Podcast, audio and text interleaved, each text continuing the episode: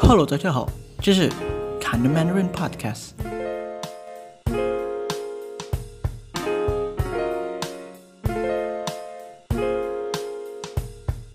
Halo 大家好，senang sekali bisa menyapa kalian kembali di sini hari ini. Selamat datang di Vanology episode pertama.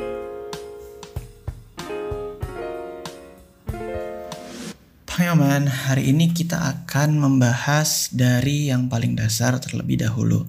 Dari pertanyaan yang menurut saya paling mudah dan paling sering ditanyakan oleh pembelajar bahasa Mandarin. Yaitu, bahasa Mandarin itu apa sih? Bahasa Cina kan? 不是, bukan. Lebih tepatnya adalah salah satu bahasa yang berasal dari Cina atau Tiongkok. Saya ganti terminologi Cina dengan Tiongkok agar tidak ada unsur penyinggungan terhadap suatu ras atau bangsa. Kalian juga harus membiasakan ya dengan mengganti kata Cina dengan Tiongkok. Bahasa Mandarin adalah bahasa nasional yang digunakan di Tiongkok. Kenapa saya sebut bahasa nasional? Karena ibarat negara kita tercinta, Indonesia, Tiongkok juga terdiri dari banyak daerah yang tentu melibatkan banyak suku, kebudayaan, termasuk di dalamnya juga ada sistem kebahasaan. Di Tiongkok, suku mayoritasnya adalah suku Han. Mungkin kalian pernah tahu atau dengar tentang suku Han ini. Ibarat di Indonesia, suku mayoritasnya adalah suku Jawa. Tetapi kita di sini tidak menggunakan bahasa Jawa sebagai bahasa nasional, melainkan bahasa Indonesia. Lanjut tentang suku Han, karena mereka mayoritas, maka tercapai suatu kesepakatan bahwasanya bahasa yang digunakan suku Han yaitu bahasa Mandarin dijadikan sebagai bahasa nasional yang digunakan di seluruh negeri. Bahasa nasional menurut KBBI adalah bahasa yang menjadi standar. Bahasa standar di negara yang memiliki banyak bahasa karena perkembangan sejarah, kesepakatan bangsa, atau ketetapan perundang-undangan. Oleh sebab itu, penyebutan bahasa Mandarin adalah Han Yu. Han Yu. Han berasal dari suku Han. Yu artinya bahasa. Berarti Han Yu adalah bahasanya suku Han atau bahasa yang berasal dari suku Han. Seperti itu kurang lebih teman-teman. Nah, kalau begitu kenapa penyebutannya bukan bahasa Cina atau bahasa Tiongkok? Seperti yang saya bilang tadi, Tiongkok terdiri dari banyak suku dan kebudayaan. Masing-masing suku ini memiliki bahasanya masing-masing. Seperti di Indonesia misalnya, suku Batak punya punya bahasa Batak, suku Minang punya bahasa Minang, suku Sunda punya bahasa Sunda, suku Bali punya bahasa Bali, dan masing-masing suku dengan bahasa lainnya. Tetapi tidak satupun dari bahasa-bahasa tersebut menjadi bahasa nasional utama di Indonesia. Di Tiongkok juga seperti itu. Ada beberapa suku bangsa lain selain suku Han yang menjadi mayoritas. Seperti misalnya ada suku Chuang, suku Hui, suku Manchu, suku Uighur, dan lain-lainnya. Dengan masing-masing membawa ciri khas dialek daerahnya masing-masing. Lalu pertanyaan yang mungkin muncul selanjutnya adalah bahasa Mandarin kan susah. Ada huruf sendiri-sendiri begitu kan ya? Tui, betul. Bahasa Mandarin memiliki aksara, bukan huruf ya. Saya koreksi. Aksara ini disebut dengan Han Si. Han Si. Sama seperti penyebutan bahasa Mandarin, Han Si juga merupakan aksara yang berasal dari suku Han. Han yang berasal dari kata suku Han dan Si yang berarti aksara.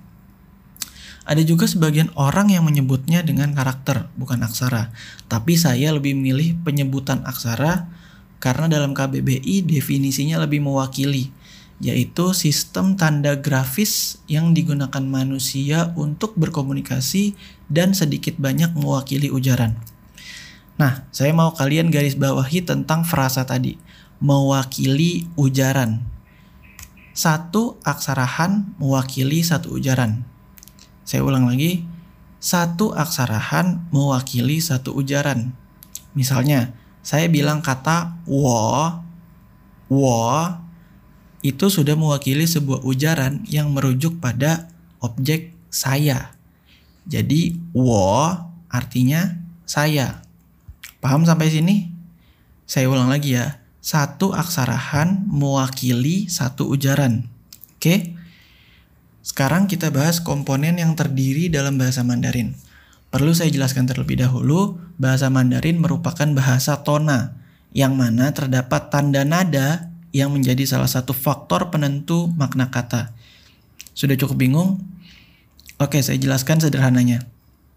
Saya mengucapkan kata ma, ma, ma, dan ma. Apakah sudah terdengar perbedaannya? Bagus. Keempat kata yang saya sebutkan tadi memiliki maknanya masing-masing. Ma berarti ibu, ma untuk partikel tanya, ma berarti kuda, dan ma berarti memarahi. Sudah makin terlihat sampai sini apa inti pembicaraan ini? Benar, setiap kata dengan nada yang berbeda memungkinkan maknanya juga berbeda. Saya ulangi lagi, setiap kata dengan nada yang berbeda maknanya juga berbeda. Dalam bahasa Mandarin terdapat empat ton atau nada yang digunakan di setiap kata untuk membedakan makna. Ton satu bunyinya datar seperti ma, ma, ma. Ton dua bunyinya naik seperti sedang bertanya. Ma, ma, ma. Ton tiga bunyinya di ayun, turun ke bawah lalu naik lagi ma ma ma dan ton 4 bunyinya seperti sedang marah atau membentak. Ma ma ma. Paham sampai sini? Oke, sekarang kita sudah tahu bahwa dalam bahasa Mandarin terdapat empat ton atau nada yang berbeda untuk membedakan makna. Ton ini atau nada disebut dengan sheng tiao. Sheng Tiao. Oke, saya harap kalian mengerti tentang pembahasan kali ini. Silakan hubungi saya di email yang tertera di bio jika ada pertanyaan. Saya cukupkan dulu pembahasan kali ini. Kita lanjut membahas tentang cara membaca aksara Han di episode selanjutnya. 谢谢你们的聆听，保持健康，拜。